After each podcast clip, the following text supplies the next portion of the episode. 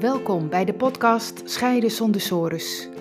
Ik ben Annewieke van der Boom en ik begeleid mensen die op het punt staan te scheiden en bang zijn voor een financieel drama, verlies van contact met je kinderen en eindeloze discussies met hun partner naar een nieuwe situatie waarin je meer quality time hebt met je kinderen, weer respectvol en ontspannen met je partner kunt communiceren en weer financiële duidelijkheid hebt. In deze podcast geef ik je informatie, tips en achtergronden die jou kunnen helpen goed door je scheiding heen te komen, met als resultaat weer plezier en energie om verder te gaan met je toekomst, voor jezelf en voor je kinderen.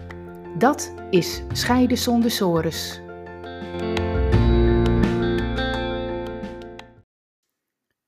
Mijn partner heeft meer financiële kennis dan ik. Wat nu? Deze aflevering gaat over een vraag die mij vaak wordt gesteld. En eh, dat speelt als iemand bezig is om te kijken welke begeleiding je nu het beste kunt kiezen voor je scheiding. En dan weten mensen soms al wel van dat ze een voorkeur hebben voor mediation, hè, in plaats van een scheiding met ieder een eigen advocaat. Maar ze vragen zich af of dat wel een, een, een passende vorm is, die mediation, omdat ze zelf veel minder kennis hebben over financiën dan de partner. Ja, dan zijn ze namelijk bang dat hun partner hun overroelt bij de mediation hè, met de financiën. Of dat hun partner bijvoorbeeld financiële handige truc uithaalt, uh, trucs uithaalt.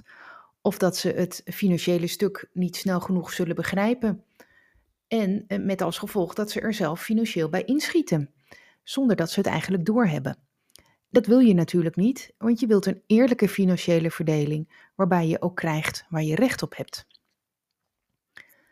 Dus uh, ik vind dat wel een hele goede vraag.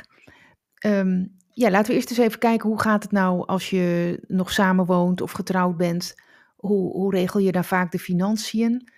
Um, nou, dat gaat in de praktijk vaak zo dat degene die het meest financieel onderlegd is of het meest zakelijk is, dat die de administratie doet en die doet ook de betalingen en regelt de financiële zaken, verzekeringen en zo. Zo gaat het dan in de praktijk vaak al jarenlang. Je doet gewoon allebei waar je goed in bent. Zo heb je de taken uh, die, uh, die er allemaal thuis zijn eigenlijk gewoon verdeeld. Dat heb je ook niet zo uitgesproken, maar zo gaat dat gewoon. En dat is ook prima, want het loopt toch goed. Alleen merk je dan dat bij een scheiding, ehm, als er achterstand is in kennis over de financiën, bij degene die zich er niet zo mee bemoeide, dat het dan toch wel een punt is. Want bij een scheiding gaat het ineens wel om concrete bedragen. bijvoorbeeld over wat is het huis nu waard? Hoe hoog is de hypotheekschuld? Hoe zit het met de lijfrenteverzekeringen die jullie al jaren hebben? Wat zijn die eigenlijk waard? En hoe zit het eigenlijk met de onderneming? Hoeveel is die waard? Of zitten daar misschien wel schulden in?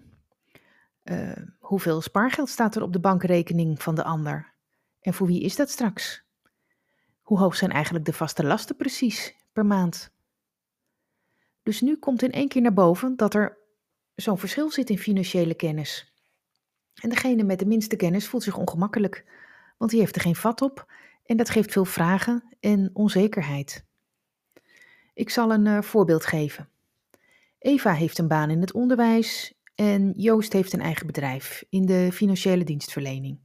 Ze hebben twee kinderen van 8 en 10 jaar oud en ze zijn getrouwd. Ze hebben een gemeenschappelijke bankrekening waarop ze allebei een bedrag storten voor de vaste lasten van het huis, van de auto's, de kleding, abonnementen, boodschappen, uh, contributie van de sport van de kinderen. En daarnaast hebben ze ook nog wat bankrekeningen op hun eigen naam. Als er dan een scheiding aankomt, zou je denken: Nou, hoe moeilijk is het? Leg gewoon alle gegevens op tafel en kijk er samen eens naar. En het lijkt makkelijk, maar dat is het niet. Want je hebt ook je emoties over de scheiding. En daarbij komt, praten over geld zonder een scheiding is altijd al moeilijk. Het is in de praktijk een van de punten waar mensen het meeste ruzie over hebben. Dus bij een echtscheiding is het helemaal moeilijk. Dus je vermijdt het liever of je stelt het uit.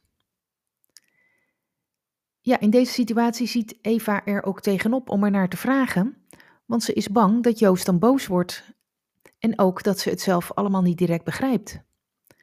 En Joost begint er niet over, want hij wil liever niet zomaar alle gegevens van de onderneming laten zien. Dat heeft hij tenslotte allemaal zelf opgebouwd. En hij maakt zich ook wel wat zorgen. Misschien moet hij Eva toch nog een bedrag betalen. Ja, en zou zij ook iets gaan claimen? Misschien wel niet. Ja, en zo ja, hoeveel zou dat dan zijn? En ook al zou Joost er geen moeite mee hebben om het te laten zien, dan gaat het al snel mis op de communicatie erover. Bijvoorbeeld als Eva zegt: Ja, ik wil nu eigenlijk wel graag inzagen in, uh, in de administratie, want dat heb je me nooit laten zien. Dan zegt Joost: Nou ja, nooit laten zien, je hebt het me ook nooit gevraagd. Terwijl eigenlijk hij er geen moeite mee heeft om het te laten zien, maar niet op deze manier. En dan worden het direct verwijten over en weer. Ja, en daar kom je niet verder mee. En verder, wat ook speelt, is dat je allebei bezig bent met je eigen financiële toekomst. Namelijk met de vraag: welke inkomen en vermogen heb ik straks zelfs, zelf na mijn scheiding? Kan ik daarmee rondkomen in mijn eentje? Kan ik alleen een huis kopen? En voor welk bedrag? Hoeveel spaargeld heb ik dan nog als reserve? Krijg ik nog wat uit de onderneming? Of zit daar misschien een schuld in? En dat maakt dat het praten over geld nu ineens nog een extra lading krijgt. Dus als je samen naar de mediator gaat om alles voor de scheiding te regelen, ja, hoe gaat dat dan? En hoe um, wordt dan omgegaan met, met, met, met, dat, met die financiële ongelijkheid in kennis? Nou, ik houd als mediator uh, rekening met de gelijkwaardigheid uh, tussen jullie. En ja, daarbij houd ik dus rekening met het verschil in kennis. Dat gaat om kennis over juridische kwesties en natuurlijk over financiële, over financiële kennis. En als een van beiden de kennis al wel heeft, dan komt het toch allemaal weer aan de orde, zodat de ander het ook heeft en jullie uiteindelijk gelijk opgaan in kennis daar moet een gelijkwaardigheid in, uh, in gebracht worden. Verder moet ook alle informatie over de financiën letterlijk op tafel komen. En beide moeten het kunnen zien. Dus dan gaat het echt om saldo's van de bankrekeningen, gezamenlijke rekeningen, maar ook rekeningen op ieders eigen naam, spaarpolissen, cijfers van de onderneming. Dat moet echt letterlijk op tafel komen en inzichtelijk zijn voor allebei. Ook um, is heel belangrijk het tempo. Hè, het tempo pas ik aan zodat jullie het allebei bij kunnen benen en ook de tijd hebben om de informatie tot je te nemen en er even over na te denken. Je moet je voorstellen dat er soms verschillende opties op tafel komen met voor- en nadelen. En dan is het goed dat jullie allebei de tijd hebben om hierover na te denken. Je moet nooit onder druk van de ander een beslissing nemen. En ook niet een beslissing nemen om er maar van af te zijn. Dat is soms wel verleidelijk hoor. Um, um, en dan denk je, ja, laat maar, ik vind het allemaal goed. Uh, laat maar maar tekenen, dan ben ik er klaar mee. Dat is niet verstandig. Daar krijg je namelijk spijt van. En eh, wat ook altijd mogelijk is, is om uh, tussentijds, dus nog tijdens het mediation traject, naar een eigen adviseur toe te gaan dan moet je je voorstellen dat Eva en Joost bijvoorbeeld samen naar de accountant gaan om daar vragen te stellen over, uh, over de onderneming. En dan hoor je allebei tegelijk het antwoord, dan gaat dat ook gelijk op. Of wat ook mogelijk is, dat Eva naar een eigen accountant gaat. Dus niet de accountant uh, die Joost al had, maar naar een eigen accountant, iemand anders, om advies te vragen of allerlei vragen voor te leggen om inzicht te krijgen in de financiën. Of het is mogelijk dat een van beiden naar een notaris gaat met vragen. Of naar een financieel adviseur. Dat kan allemaal. Dus daar ga je dan zelf naartoe zonder je partner. Je vertelt wel dat je iemand wilt raadplegen, maar verder niet. En dan kun je dus je eigen vragen uh, voorleggen. En daarna ben je dan helemaal goed geïnformeerd en heb je ook de steun die je graag wilt en ook nodig hebt. En daarna ga je dan weer terug naar de mediation tafel. Verder is het zo dat je altijd natuurlijk zelf kunt aangeven tijdens de mediation of het te snel gaat of als je iets mist. En uh, mocht ik zelf merken dat er een verschil is, dan breng ik dat ook altijd ter sprake. Dan benoem ik dat. En dan kijken we samen wat we daarmee gaan doen.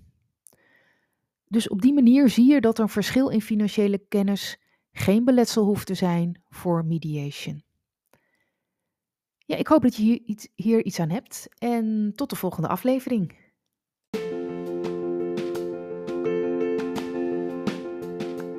Leuk dat je hebt geluisterd naar deze nieuwe aflevering.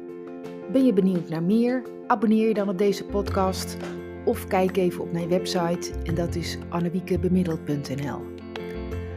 Als je deze podcast eh, aflevering luistert voor 30 september 2022, dan heb ik nog iets interessants voor je.